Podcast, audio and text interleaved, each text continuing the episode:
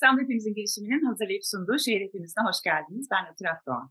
Bugün İstanbul'da çocukların iyi olma halini konuşacağız. Konuklarım İstanbul Bilgi Üniversitesi'nden Uluslararası İlişkiler Bölümünde siyaset bilimci iki hocamız. Aynı zamanda e, Pınar e, Pınar Uyan Semerci İstanbul Hepimizin girişiminde bir gönüllüsü. Pınar Uyan ve Emre Erdoğan. İkiniz hoş geldiniz. Merhaba. E, şimdi çok yeni Mart ayında, Mart ve Nisan aylarında İstanbul'un 100 mahallesinde 800'den fazla hanede bir çalışma yaptınız ikinizde, ekipte tabii ki ve burada İstanbul'da çocukların iyi olma halini incelediniz. Ayrıntılarına gireceğiz ama öncesinde bu iyi olma hali nedir? Oradan başlayalım istiyorum. Mersen başlayalım mı? Ne anlamalıyız iyi olma hali? Tabii ki aslında biraz Türkçe'de böyle hafif kulağımızı zorluyor gibi iyi olma hali e, well-being'in Türkçeleştirilmesi bu. Ama biz e, ilk yaptığımız işte 2008 itibariyle ilk iyi olma hali alanında çalışmaya başladık. Çocuğun iyi olma hali olarak ilk bir TÜBİTAK projesiyle ve yine İstanbul'daki bir e, temsili araştırmayla başladık. O zaman ekipçe çok düşündük. Yani farklı çeviriler oluyor çünkü esenlik, iyilik gibi. Ama çocuğun olma hali, yaşam hakkı ve bunun iyi olma halini tutmak e, hem bugünkü hem de gelecekteki iyi olma haline vurgu bizim için çok önemliydi. O yüzden de bu şekliyle çevrilmesinin daha doğru olduğunu düşündük.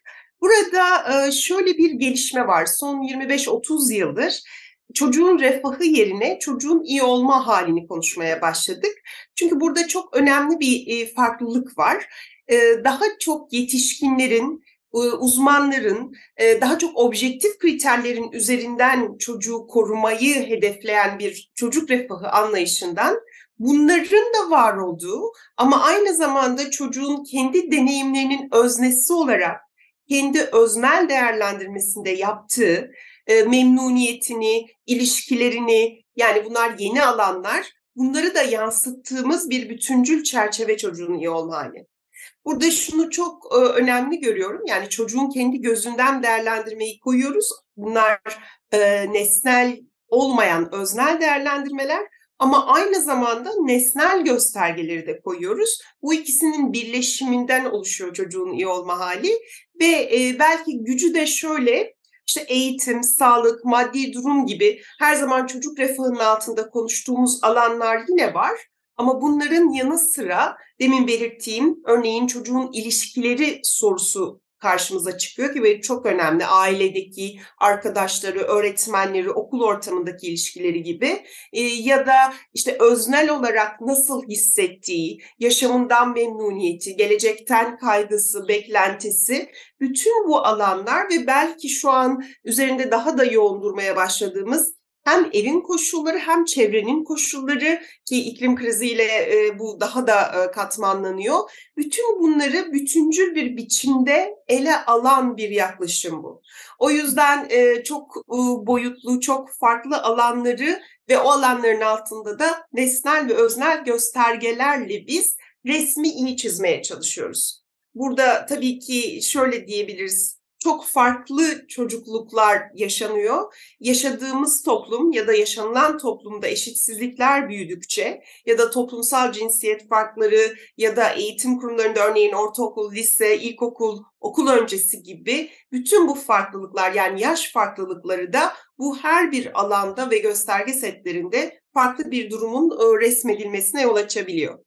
Kısaca böyle özetleyebilirim. Belki bir de şunu vurgulamak faydalı olabilir e, burada yaptığımız şey sadece negatif konuları değil, aynı zamanda pozitif noktaları da vurmaya çalışmak. Ne demek diyorum? Örneğin e, aşılanmama oranları ya da aşıya erişememe gibi bütün eski çocuğun refahında ölçtüğümüz ölçümler, e, göstergeler yine var. Ama aynı zamanda örneğin bizim bütün çalışmalarımızda çıkan okulda çocuğun bir öğretmenle çok iyi ilişkisinin olmasının çocuğun memnuniyetini, çocuğun iyi olma haline çok önemli bir katkısı olduğunu buluyor olmak, neyin pozitif etki yarattığını da tespit ediyor olmak e, bu çalışmanın, bu kavramsal çerçevenin en önemli katkılarından. O yüzden de işte biz son 15 yıldır e, açıkçası ekip olarak çocuğun, çok farklı çocukların, çalışan işçi, mevsimlik tarım, e, göçmen çocuklar bütün bu kırılgan gruplarda bu çerçeveden bakarak daha iyi bir şekilde, daha detaylı bir biçimde bütün boyutlarıyla çocukların durumunu çizmeye çalıştık, aktarmaya çalıştık. Bu çalışmada en son İstanbul temsili örneklemi üzerinden oldu. Çok teşekkür ederim. Biraz e, şimdi Emre'yi nasıl yaptınız e, diye sormak istiyorum. E, oldukça büyük bir emek var belki 100 mahallede e, 800'den fazla hane diyorsunuz. Biraz bu bulgularınıza e, vardığınız veriyi nasıl topladınız onu anlatabilir misin? Yani? Evet. E, zor bir dönemde oldu. 4 Mart 6 Nisan tarihleri arasında oldu. Ee, yani tam deprem öncesinde hazırlıklarımızı tamamlamıştık. O zaman sahaya çıkmak üzereydik. Soru formu bitmişti ama deprem olunca öteledik. Yani deprem o dönemde saha çalışması yapmak istemedik. Deprem sonrasına denk geldi. Yaklaşık bir ay sürdü. Ee, şöyle İstanbul'u temsil eden bir örneklem bu. İstanbul'daki ebeveynleri temsil eden bir örneklemle çıktık. Çünkü yaptığımız şey şu İstanbul'da 100 tane mahalleye rahatsız olarak seçmek, orada yürüme kuralıyla hane ziyaretleri yapmak, hanede ebeveynle görüşmek, ebeveynden sonra çocukla görüşmek. Dolayısıyla ebeveynleri temsil eden bir örneklemden bahsediyoruz. Ebeveyn olmayan haneler biraz daha farklı olabilir ama temsili çalışma. Ee, burada 11-18 e, yaş dilimini hedefledik. Burada da belli bir e, ayrıma gitmeye çalıştık, dengelemeye çalıştık. Sonuç olarak e, yapmaya çalıştığımız şey İstanbul'da yaşayan ebeveynleri ve çocukları temsil eden bir çalışma olmasıydı ve bütün görüşmeler yüz yüze yapıldı. Özellikle hem ebeveynle hem de çocukla, çocukla yapılırken de ebeveynin izni alınarak tabii ki yapıldı. O bütün etik kurallara zaten uymamız gerekiyor. Sonuçta temsil bir çalışma. Yani buradan çıkarak İstanbul'daki veli profili, ebeveyn profili budur diyebiliriz ve çocuk profili bu diyebiliriz. E, Pınar'ın söylediği bir şeyi de hep akılda tutmaya çalışıyoruz. Burası İstanbul. Yani e, bunu fark etmemiz gerekiyor. Hem 2009'dan bu yana, 2009'daki de temsili bir örneklenme yapılmıştı. Çok iyi bir iyileşme var şartlarda. İki, muhtemelen İstanbul'da ülkenin geri kalan arasında da çok çok büyük farklar var. O yüzden de bu yürütmekte olduğumuz proje çerçevesinde Türkiye bunu bu kez Türkiye temsili bir örneklemle yapacağız. Aradaki farkların da çok çarpıcı olacağını düşünüyorum açıkçası. O zaman şimdi hemen e, sabırsızlıkla bekliyoruz. Bu iyileşmeden başlayalım isterseniz. E, en e, belirgin iyileşme hangi e, alanda e, olmuş? Bunu ben söyleyebilirim sanıyorum okullaşma oranları. Şimdi burada tam bir gri alanla karşı karşıyayız. Yani e, resmi istatistiklere göre okullaşma oranları artmış durumda. Hep bu söyleniyor. Ama bu istatistiklere güvenlik. Bizim gördüğümüz şey gerçekten bir okula kayıtlı olan çocukların sayısı artmış. Yani şöyle bir şey zaten 11-15 yaş kategorisinde 2009'da da hemen hemen her çocuk okula giderken 15 yaş sonrasında bir kaçış varmış ve bu kaçış da daha çok erkek çocuklardaymış. %70'e okula gidiyormuş. Şu anda bu %90 üzerinde. Kız çocuklarında %90 üzerinde. Yani 11-18 yaş kayıtlı olma açısından gerçekten bir okula kayıtlı. En önemli şeylerden biri o. Kimler kayıtlı değil? 15 yaş üstü erkek çocuklarında kayıt olmama hali görüyoruz. Demek ki orada bir kaçak var ama dediğim gibi kayıtlı olma yani oraya gidip nasıl bir öğrencilik olduğunu bu ayrı bir şey. Çalışan çocukların sayısında azalma var. Kayda değer oranda görülüyor. Yani neredeyse %5'e civarıymış ve bütün bunlarda 11 15 yaş üstü erkek çocuklar çalışıyor. Yani böyle bir şey var. E, kız çocuklarını çalışıyor gözükmüyor. Çünkü bizim zaten sorumuz TÜİ'nin sorusuna çok yakında para kazanmak için yaptığın bir iş var mı gibi bir şey. Yani onu kız çocuk dolayısıyla o sayılmayabiliyor. Orada çıkmayabiliyor ama bu da devletin istatistiklerine paralel bir şey. Yani baktığınız zaman e, devletin istatistiklerinde de çalışan çocuk sayısında ev içi emek olarak azalma var. Bu da bir iyileşme. Bir de maddi koşullarda iyileşme var. Yani evde bulunan işte 14 yıldan bahsediyoruz az bir süre değil. O evde bulunan eşyalarda daha fazla. Yani eskiden az sayıda evde internet, daha az sayıda evde internet varken şimdi daha çok var. Yani bilgisayar daha çok var vesaire vesaire. Ama bu görüştüğümüz çocuklar arasındaki önemli farklılıklar olmadığı anlamına gelmiyor. Yani bu şartlar iyi. Muhtemelen Anadolu'da yani İstanbul, Ankara, İzmir gibi metropollerden bahsetmiyorum ama daha taşraya gittiğimizde ya da kırsala gittiğimizde farklı resimler göreceğiz. Yani hem okullaşma oranlarında farklı göreceğiz hem de eşya sahipliğinde çalışan çocukta muhtemelen farklı göreceğiz. O yüzden de burası İstanbul'u ben bir daha vurgulamak istiyorum. Belki iki şey ekleyebiliriz. Ee, o da şu, bizim yaptığımız grup sonuçta Türkiye Cumhuriyeti vatandaşı olanlarla yaptık. İstanbul bildiğiniz üzere e, oldukça fazla sayıda geçici koruma statüsündeki Suriyelilerin de var olduğu bir şehir. Hani onlar özellikle ebeveynlerle yapacağımız anket ve hani çocuklarda da çift dililik ve bu tür başka bizim için çok önemli olan çalışma koşulları sebebiyle şu an için bu araştırmanın içinde yoktu. Hani bunu vurgulamak lazım çünkü gene çalışan çocuk istatistikleri açısından bu önemli. Hani bütün çocukları kapsayan bir çerçeveden baktığımız için. E, ilkincisi de gene Emre'nin söylediği biz aslında Nisan 2023'te de yeni bir e, çocuğun iyi olma hali araştırmasına başladık. Yine TÜBİTAK destekli ilk çalışmamız da öyleydi. E, bunda da biz vurgulamaya çalıştığımız şu an içinde olunan farklı isimler alıyor ama işte üst üste binen krizler denilebiliyor ya da çoklu krizler ortamı. İşte tam da bu ortamların içinde çocuğun iyi olma hali ne oldu ve biraz da pandemi sonrası. Çünkü pandemi döneminde de biz bir çocuğun iyi olma hali araştırması yapmıştık bu temsili değildi ama oldukça geniş katılımlıydı ve orada çıkan resim bizi endişelendirmişti. Bunun etkileri ve genel olarak da işte krizlerin üst üste binmesi ki biz bu krizleri derken söylediğimiz işte iklim krizi, demokrasi krizi, enerji krizi, ekonomik kriz, e, dönüşüm anlamında dijitalleşme, dijital dünya diyorduk ki maalesef işte deprem ve e, gene bizim odaklanacağımız illerden olan Urfa'da sel felaketi gibi hani her gün başka bir olağanüstü halin olduğu bir ortamda çocuklara ne oluyor? Çocukların iyi olma hali ne hale geliyor diye. Bunu şu yüzden eklemek istedim. Yani evet biz İstanbul'a baktığımızda görece bir iyileşme görüyoruz ki onu şimdi biraz açarız. Orada da her e, sosyoekonomik statü aynı şekilde iyileşmiş durumda değil. Yine oldukça e, kırılgan bir grup var. Bunu biraz tartışırız diye düşünüyorum.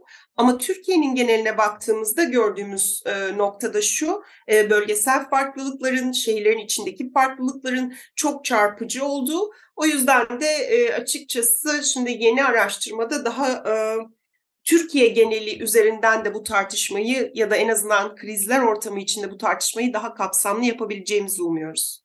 Peki. Zaten e, bulgularda e, dediğiniz gibi yani olumlu şeyler var ama benim çok ilgimi çeken bir kelime kaygı. E, tam da bu krizlerle aslında ilgili de olabilir belki hani veri topladığımız e, tarihte ama dediğiniz gibi krizler zaten bitmiyordu yani hani deprem olmasaydı da başka krizler vardı zaten.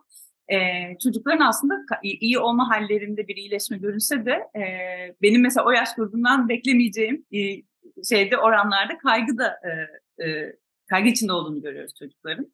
E, bununla ilgili biraz yorum yapmak ister misiniz? Niçin kaygılı çocuklar? E, ebeveynleri de kaygılı. Yani ev mi kaygılı, aile mi kaygılı yoksa çocuklar özel bir durum mu bu? Aslında şöyle bir şey kaygılılar. Yani yüksek oranda kaygılılar. Bu biz ebeveynleri de ne kadar kaygısız dediğimiz ebeveynler de kaygılı. Yani depremden kaygı %94 gözüküyor. Ee, ekonomik kriz 86. Çocukların istediği gibi eğitim olması 90 vesaire. Yani şimdi çok geniş bir perspektiften bakarsak biz krizler beraber kırılganlıklar çağına girmiş durumdayız belki bu kadar fazla krizle. İnsanlar ellerindeki bir şeyi kolaylıkla kaybedebileceklerini düşünüyorlar. Kaygı ondan kaynaklı ellerinde olan. Bu çocuklarda da var. Yani çocuklar da kaygılılar. Ee, burada işte sınıfsallık konusu geliyor. Ben çok ozonuna değinip Pınar'a e, söz vermek istiyorum. Bizim bu veriyi okurken nasıl okuyabiliriz dediğimizde sosyoekonomik statü odaklı okuduk. Sosyoekonomik statüden karmaşık bir mesele. Çok uzun zamandır bunun bir objektif ölçümü nasıl yapılabilir diye tartışılıyor. Çok uzun, gerçekten uzun süredir. Hatta benim de dahil olduğum 2007-2009 yıllarında yapılmış bir e, Türkiye'de orta sınıfı keşfetme yönelik bir iki çalışmada var. Yani nasıl bir orta sınıftır? Şimdi bütün deneyimi şunu gösteriyor aslında bütün değişkenleri unutun anne babanın eğitimine bakın deniyor. Yani geldiğiniz nokta o. Çünkü neyi koyabiliriz? Anne baba eğitimini koyabiliriz. Babanın ya da hane reisinin yaptığı işi koyabiliriz. Evdeki eşyaları koyabiliriz. Her şeyi koyabiliriz ama sonuçta her şeyi açıklayabilen basit bir hesap da var. Ebeveyn eğitimi. Bu çok ciddi çünkü mesela yine ben e, programın konseptine uygun olduğunu düşünüyorum. E, yine 2009 civarında yaptığımız bir yoksul gelişmişlik haritaları egzersizi vardı. O egzersizde de bir mahalle sosyoekonomik statüsünün gelişmişliğinin proxy yani gösteren değişken olarak üniversite mezunu kadın oranını kullanmıştık ve gayet de başarılı bir ayrım olduğunu görmüştük test ettiğimiz zaman. Yani bu çok ciddi bir şey evde ebeveyn eğitimi. Biz de ebeveyn eğitiminden yola çıkarak bir tasnif yaptık. Üçe böldük. Dörde de bölünebilir fark etmez. İstediğinizde bölebiliyorsunuz. Yüzde otuzluk bir kesim düşük. Yüzde onluk, on beşlik bir kesim yüksek, geri kalan da ortayı oluşturan bir dağılım yaptık. Şimdi buna göre biz ayrımları yaptığımız zaman nereye bakarsak bakalım hemen hemen farklılıklar gördük. Yani biraz önceki kaygı sorusunda da farklılıklar gördük. Nereye bakarsak bakalım. Bu da önemli bir şey. Açtığımız zaman kimler bu %30 oluşturan dediğimizde gördüğümüz en önemli şeylerden biri bunların %75'i bu kişilerin İstanbul'a göç etmiş. Yani biz ebe eğitim üzerinden bakıyoruz. %70'i İstanbul'a göç etmiş. Bir de göç edenlerin kayda değer bir kısmı gelmeden önce köyde yaşıyorlarmış. Kırsalda yaşıyorlarmış. Şimdi böyle bir hat çiziyorsunuz. Yani e, bu ortalama yaş 40 bu arada yani görüşlen ebeveynin çok genç ebeveynlerden bahsetmiyoruz. 40 42. Demek ki bundan yaklaşık 20 yıl önceki ülkedeki okumuş yazmışlık seviyesi, eğitimin e, yaygın olmaması bir uçurumun temellerini atmış. Çünkü maddi durum olarak da biz baktığımız zaman yani bu tam eğitim açısından bakalım maddi durumda da fark var. Yani en düşükler en yoksulları oluşturuyor.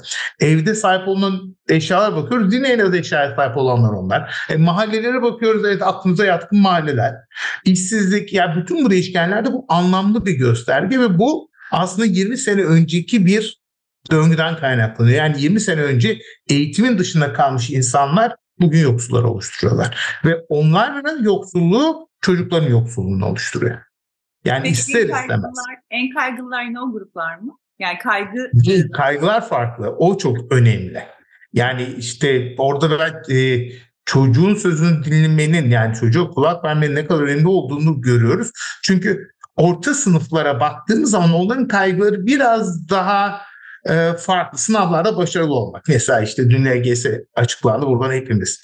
Sınavda başarılı olmak akademik başarısızlık en düşük sosyoekonomik statüden gelen çocukların kaygısı değil. Yüksek ortanın kaygısı. Bunu şimdi bunun üzerine saatlerce konuşuruz. Bu farkı. Ama başka bir şey var. Bence biraz Yüret Burkando. En düşük sosyoekonomik statüdeki çocukların en fazla kaygıladıkları üç konu. Okulu bırakmak zorunda kalmak, mahalleden taşımak zorunda kalmak ebeveynlerden birinin işsiz kalması.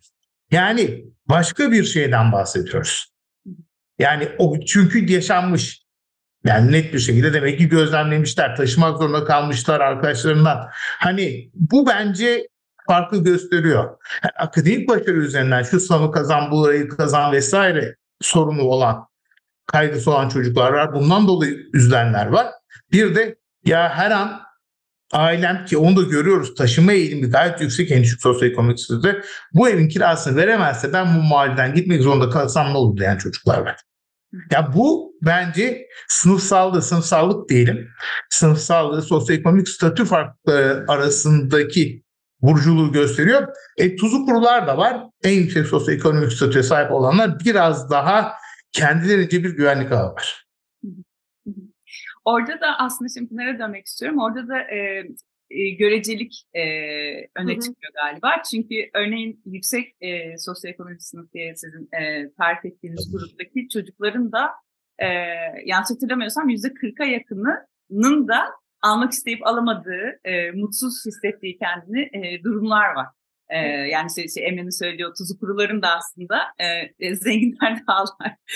tuzu kuruların da aslında çok mutlu olmadığı durumlar var ve yüzde otuz altı gibi bir şeydi galiba. Ee, onu birazcık e, konuşalım mı bunlar yani e, yoksulluk da herhalde yine göreceli. Yani şöyle belki söylemek lazım. Öncelikle oradan başlayayım ama sonra diğer konuya da biraz ek yapmak istiyorum. Yani birincisi şu, tabii ki çocuklar da, ebeveynler de kendi içinde olduğu koşullarla e, tercihlerini adapte ediyorlar. Yani bu e, hem yapabilirlik yaklaşımında kullanılan hem de daha öncesinde John Elston'ın geliştirdiği bir kavram aslında adapted preferences yani tercihlerimizi adapte ediyoruz. İçinde olduğumuz koşullarla görece olarak memnuniyetimizi ifade edebiliyoruz. Hani aynı koşullar koşullara çok başka birini getirdiğinizde o koşullarla ilgili çok şikayet edebilir. Çünkü içinde doğduğu, büyüdüğü koşullar böyle değil. Tabii ki şu an internet çağı, çevrim içi bilgiler, televizyon bize çok farklı yaşamları gösteriyor. Bu çok önemli. Ama yine de e, çoğu zaman biliyoruz ki en yakın çevre işte biz bunu halkalar diyoruz. Çocuğun kendi içinde olduğu halkalar bunları belirliyor. Yani siz burslu olarak bir özel okula giden ya da e, özel okulun koşullarını belki aileniz çok zorlayarak ödeyen bir e, çocuksanız hani arkadaşlarınızın işte gittiği tatilleri ya da giyinme biçimlerini gördüğünüzde kendinizi çok yoksun ve çok kırılgan hissediyor olabilirsiniz. E, zaten birazcık bu e, bizim hani çocuğun o deneyimli üzerine yaptığımız vurgu da bundan geliyor. Çünkü objektif kriter kriterler önemli ama objektif kriterler her zaman her çocuk için aynı şekilde deneyimlenmiyor. Bunun farkında olmak gerekiyor. Ee, bir bunu vurgulamak isterim. Bir de şeyi söylemek lazım. Yani biz şu ana kadar işte e, bütün yaptığımız çocuğun iyi olma hali araştırmalarında hem çocuklarla ki yaş gruplarına uygun olarak bu bir temsili örneklem ve anket çalışması olduğu için 11 yaş üstünü kullandık. 8'e kadar düştüğümüz durumlar oldu ama onlarda farklı modelleri yapıyoruz. Güler yüz vesaire gibi çok daha çocuk dostu ve çocuğun kendisinin üstün yararını koruyan metodolojik araçlarla çalışıyoruz. Bunun yanı sıra mutlaka bazı objektif koşulları çocuklara sormak yerine ebeveynlerden alıyoruz. O yüzden de bu ikiliyi hep tuttuk. Şimdi de zaten aktarmaya çalıştığımız yani hanenin koşulları, içinde olunan koşulları, ekonomik durumları biraz buradan çekmeye çalışıyoruz. Şimdi bu neden bu kadar hayati? Çünkü bu sınıfsal fark ya da sosyoekonomik e, olarak en düşükte gördüğümüz çocukların deneyimine baktığımızda biz e, tamamen tesadüfi olarak ailelerin içine doğuyoruz. Ama o doğduğunuz ailenin koşulları sizin yaşamınızı hem bugününüzü hem de yarınınızı belirliyor. E, biraz ev ve çevre koşullarını konuştuk gibi ama mesela gene çok çarpıcı olan bu arada çok yüksek bir oranda e, dijitalleşmenin olduğunu, cep telefonu, tablet yani bunların oranları gerçekten çok artmış. Tabii bunun pandeminin de etkisi vesaire diyebiliriz. Ama en düşükte gene dört çocuktan sadece üçü erişebiliyor internete mesela. İstanbul'dan bahsettiğimizin tekrar altını çizerek bunu söylüyorum. Yani gene de bir yoksunluk varsa o yoksunluğu en düşük grup yaşıyor ki bunu çeşitlendirebiliriz. Ben orada bir de okula vurgulamak istiyorum. Şey de söyleyelim hani meraklılar web sayfasından biz biraz 105 slide biraz uzun bir sunum ama hani detaylara bu ıı, sınıfsal farklılıklara ya da yaş ya da toplumsal ayrımlara bakabilirler. E, konu başlıkları çerçevesinde orada e, bütün detayları görebilirler. Çocuk e, çalışmalarının sayfasında tamamını e, yüklemiş durumdayız. Burada okulun deneyimi de gene en düşük sosyoekonomik statüdeki çocuklar için farklı oluyor. Şimdi bunun ben çok hayati olduğunu düşünüyorum. Çünkü her zaman biz şunu düşünürüz. Yani evet aile içindeki eşitsizlikler e, toplumdaki var olan eşitsizliklerin bir yansıması olarak karşımıza çıkıyor. Birden o ailenin yaşam koşullarını değiştirmek çok mümkün olmayabiliyor ama haklara erişimi, çocuğun e, özellikle kamusal alanda aldığı hizmetleri, haklarını yani eğitim hakkını, sağlık hakkını ne kadar daha iyi ve eşit kurulabilirsek biz o çocuğun e, ailesinin içinde olduğu dezavantajlı koşullardan daha farklı bir dünyada yaşamasını sağlayabiliriz.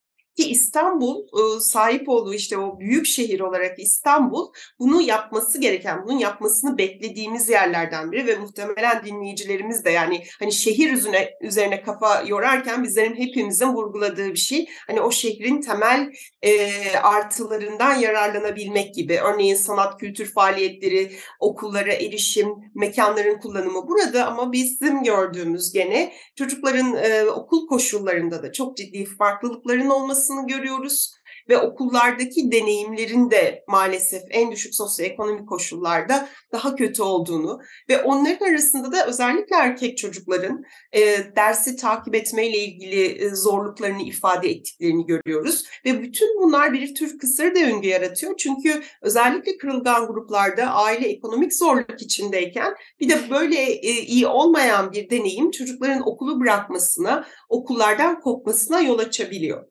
E, bir de şunu gene söyleyelim bence o da önemli. E, e, sınıf farkının çok hani işlemediği hani önemli noktalardan biri çok ortak bir talep olarak eğitimin yüz yüze olmasına vurgu var.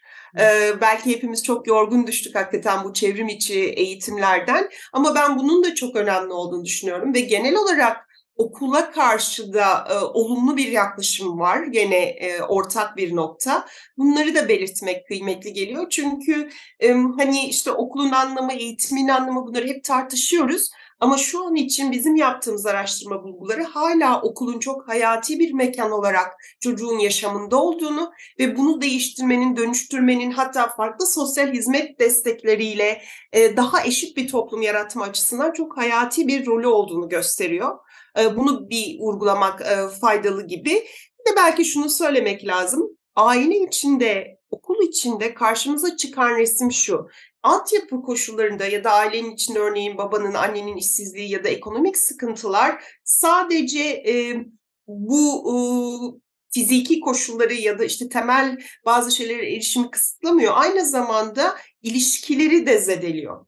Yani bu üzerine hep kafa yorduğumuz bir şey. Çünkü bu ilişkilerin de zedelenmiş olması, işte rehber öğretmene ulaşımdaki kısıtlılıklar ya da e, öğretmenlerle kurulan ilişkilerin biçiminin farklı olması Bunlar tabii tam da belki olumsuz koşullardan çocukları daha iyiye çıkarabilecek bir şeyin de yokluğuna işaret ediyor. Burada ne öğretmenleri ne ebeveynleri suçlamak için değil, aksine onlar tabii bu koşullar içindeyken örneğin anne baba çok ağır şartlarda çalışırken hani çocuklara o özeni, o dikkati, e, o emeği verebilmek kolay değil. O yüzden buranın da farkında olmamız gerekiyor. Tabii yine çocuk sayısı ailede önemli. Bakım gerektiren bir yükün olup olmaması ve şeyi de söylemek lazım. Gene e, toplumsal cinsiyet açısından ev içi emekte hani kız çocuklarının daha fazla e, çalıştığını ifade eksiklerini söyleyebiliriz. Hani bu da e, önemli bir bulgu olarak mesela masada tabii ki sosyoekonomik statü gene bunu e,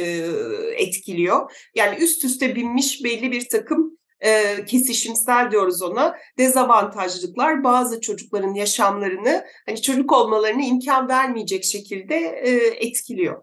etkiliyor.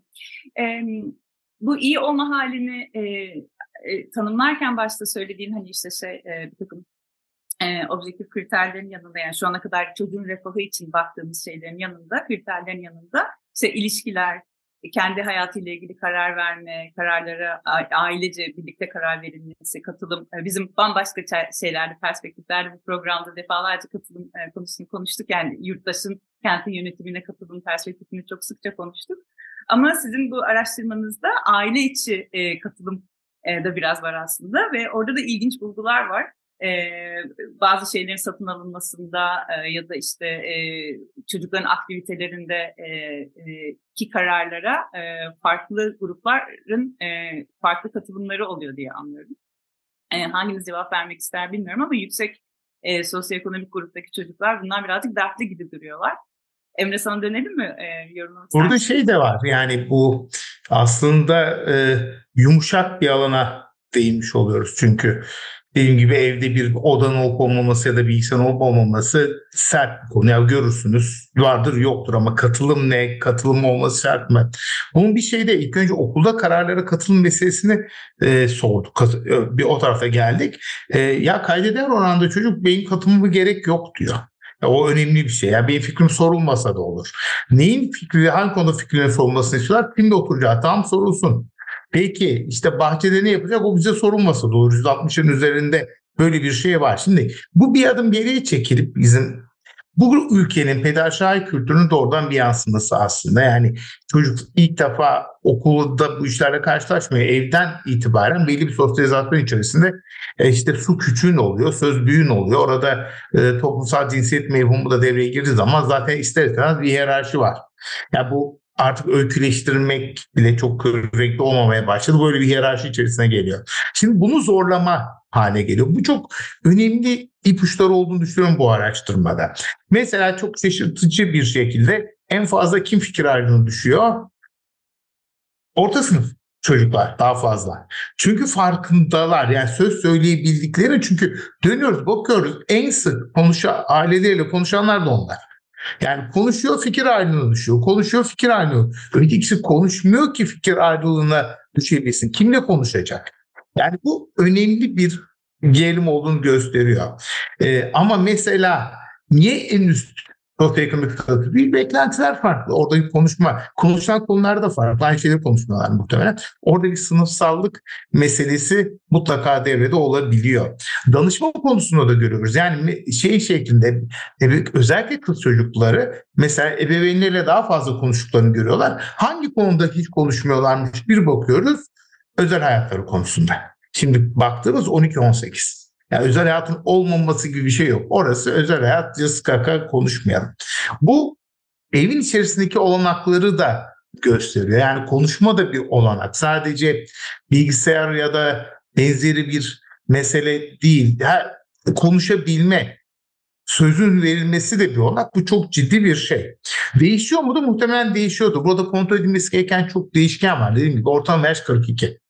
Yani bunun genci farklı düşünüyor olabilir, yaşlısı farklı düşünüyor olabilir. Sadece sosyoekonomik statü değil, onun içerisindeki farklılıklar da mutlaka tırnak içinde ebeveynlik pratiklerinin değişmesine yol açmıştır. Buna bakmak lazım, bakmayı da planlıyoruz. Ama başka bir şey mesela okullarda karşılaşan ilişki açısından önemli bir şey zorbalık. Ortalamada baktığımızda zorbalık yok gibi gözüküyor.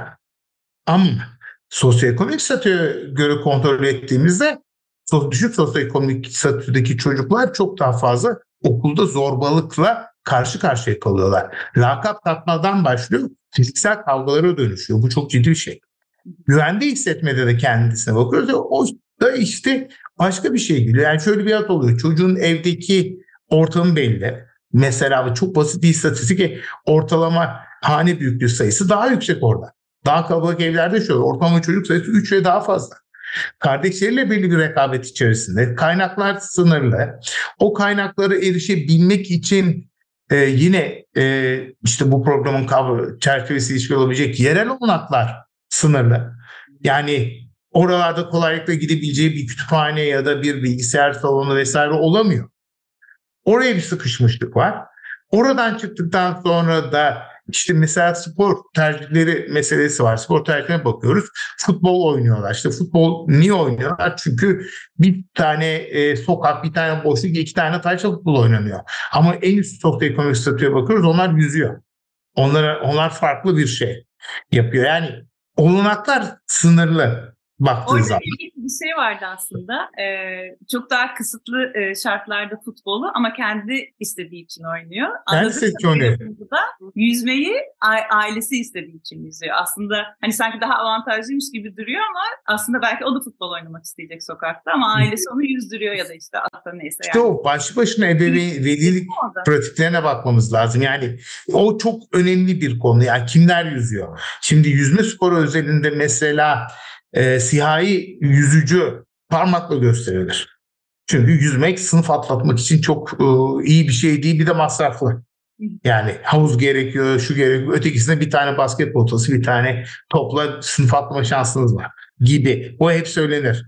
Siyahi tenis oyuncusu çok fazla karşılaşmamız. istisna işte Williams kardeşler vesaire. Yani şeydir çünkü sınıf atlatmaz. Buradan bile başlıyor. Yani sporu niçin yapıyor, nerede yapıyor? İşte yüzme yapsın, e, buz pateni yapsın. İstanbul hala gidiyor iddiadayım. İstanbul'da bu olanaklar bir tık daha fazla. Dışarıya göre, başka şehirlere göre.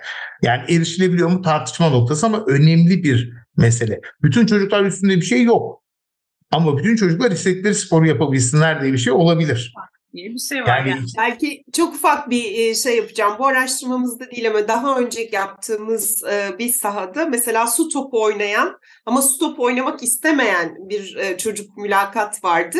Bir sürü tabii sorumuz var tartışıyoruz ama sonuçta hep aynı yere geliyor. Hani ne kadar anlatamamışsa aileye bu stopu oynamak istemediğini hani aslında stopu oynamasam zamanım kalacak. Aslında stopu olmasa dersleri iyi olacak. Aslında stop yani bütün öyküyü bize hani belki kendi sesini kendi aile içinde duyuramadığı için hani böyle bir e, aktarımını e, dinlemiştik. Hep e, bu tür veriler çıktığında e, gözümün önüne gelen hani onun anlatışı e, diye özetleyebilirim. Şimdi bugün yazdım, bir yazıda şey dedim. Yani hani yazılar sınırlı yer olduğu için hızla değinirken şunu şöyle bir şey söyledim. Bütün çocukluklar ebeveynlerin başarısızlıkları üzerine yükseliyor. Yani o ebeveyn yani çocuğunu elit sporcu yapmak için günde 4 saat antrenmana sürükleyen ebeveyn ne yaşadı? Var. Yani. Onun dünyası. Evet çok baş yani küçümsediğimiz bir konu. Ne yazık ki o istediğimiz, arzu ettiğimiz kadar e, araştıramıyoruz ama ben çok önemli bir şey olduğunu düşünüyorum. Çünkü e, işte bizim okulumuzun eskiden havuzu varken e, Dolapdere'de e, çok ucuza gerçekten çok cüzi bir rakama yüzme dersleri veriliyordu. Cumartesi pazar görüyorduk. Yani e, bu bence önemli bir gösterge. Herkes çocuğunun yüzme öğrenmesini istiyor. Dediğim gibi çünkü kendisi yüzme bilmiyor muhtemelen. Çocuğun yüzme öğrenmesini istiyor. Elit sporcu değil. İyi bir olanaklı sağlandığı zaman da geliyor. Yani bu bence e, çoğu şeyi bakış açımızı biraz o şekilde geliştirmemiz lazım. Yani e, o yüksek öğretimi tartışırken en iyi üniversitelerin sorunlarıyla uğraşıyoruz. E, orta öğretimi tartışırken aman özel okullar ne olacak, özel okulların hali diyoruz. Öteki taraftan %90 devlet okuluna gidiyor. Belki onu vurgulamak lazım. Yani bizim araştırmada %7.8 sadece özel okullar. Yani onun dışındakilerin hepsi devlet okulu ve bu aslında ortadaki hani tartışmanın, kamuoyunun düşündüğümüzde hani nereye daha çok odaklanmamız gerek, bir sosyal politika olarak düşündüğümüzde neye bakmamız gerektiği vurgusunu da bence ön plana çıkartıyor. Belki bir de şeyi söylemek lazım. Yani sporu kapatmadan e, hani burada okullarda spor yapmayı görüyoruz ve belediyenin e, mekanlarına gene hani programımız çerçevesinde bu da kıymetli gibi geliyor bana. Hani bunun önemi burada da çıktı ve belki çoğaltabilmek açısından da önemli bir geri bildirim bu. Ee, yerel yönetimini söyleyeyim kapatmadan önce. Okul olanaklarını mesela tuvaletin temizleyenlerin oranı en düşük sosyoekonomik statüde yüzde 45.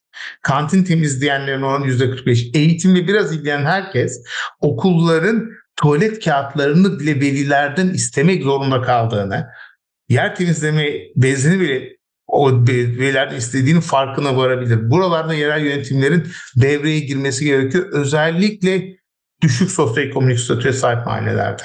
Ya burası başıboş bırakılacak durumda değil. Yüzde 46'sı tuvalet temizliği. Haklı. Çünkü tuvalet temizleyecek malzeme yok. Yani okulun bütçesi onu kurtarmıyor. Yerel yönetimlerin çok aktif hale gelmesi gerekiyor. Ee, bu da önemli bir politika alanı olarak gözüküyor bence. Doğru. Yerel e, burslarda da yerel yönetimleri belediyelerden e, alınan biraz daha fazla. Burs alan zaten çok az. Beraber, evet. Burs alan çok az. Evet. Evet, evet. Ee, yani sizin bu gerçekten e, zaten çok e, kapsamlı, çok büyük emek olan bir e, çalışma. Ellerinize sağlık. E, çok da fazla da farkındalık da yaratacak olan da bir şey.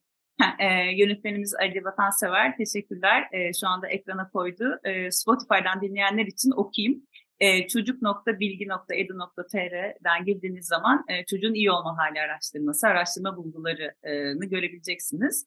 E, hocalarımızın bahsettiği bütün bulgular, e, bütün e, verinin e, grafikleriyle beraber burada erişime açık, e, herkes bakabilir.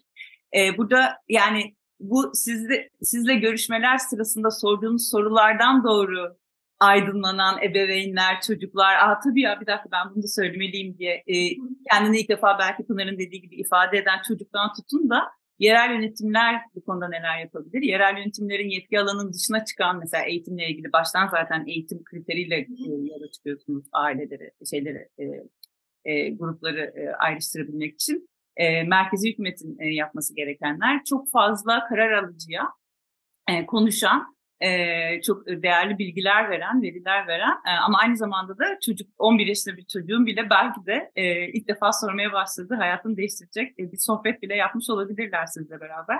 O da ben beni çok heyecanlandırdı aslında bu şeyde bütün e, bulgularınıza baktığımda. Tabii bir de daha önce yaptığınız ve bundan sonra yapacağınız için kıyaslama.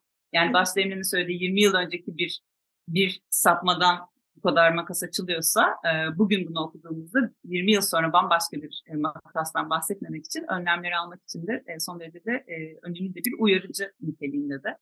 E, çok teşekkür ediyorum ikinize de. Gönül ister ki saatler konuşalım. Her bir 9 sayfa bir e, özet bulduğu şeyi var, e, belgesi var. Her bir satırı bir program eder. Gerçekten çok ilginç.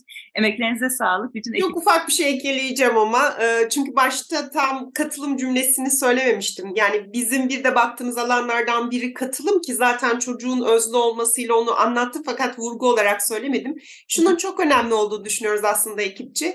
Hani herkes e, çocukluk geçirdiği için özellikle özellikle ebeveynlerin o kendi çocuklukları ya da hepimizin aklına kendi referanslarımız hani sanki çocuk için en iyisini biz bilebiliyormuşuz gibi varsayıyoruz ama oysa şu anki çocuk olma hali başka bir deneyim. Dijitalleşme, dönüşümler içinde bundan bütün bu kırılganlıklar, belirsizlikler yani 2023 yılında çocuk olmanın bizim kendi çocukluklarımızla belki çok az ortak kesişen noktası var bu çerçevede de biz hani bütün bu politika yapım süreçleri de dahil olmak üzere hani çocuğun katılımını önemseyen, onları üstün yararını gözetir. Yani onları güvenceli ortamda katılımlarını sağlayacak bir yapının çok hayati olduğunu düşünüyoruz. Hani bu çerçevede de özellikle dinleyiciler açısından hani bunu üzerine birlikte kafa yormalı ve her kurumsal yapımızın içinde aslında tüm bu paydaşların buna e, sağlayacak mekanizmaları oluşturması gerekiyor. Bunu da belirtmeden bitirmek istemedim. Çok teşekkürler.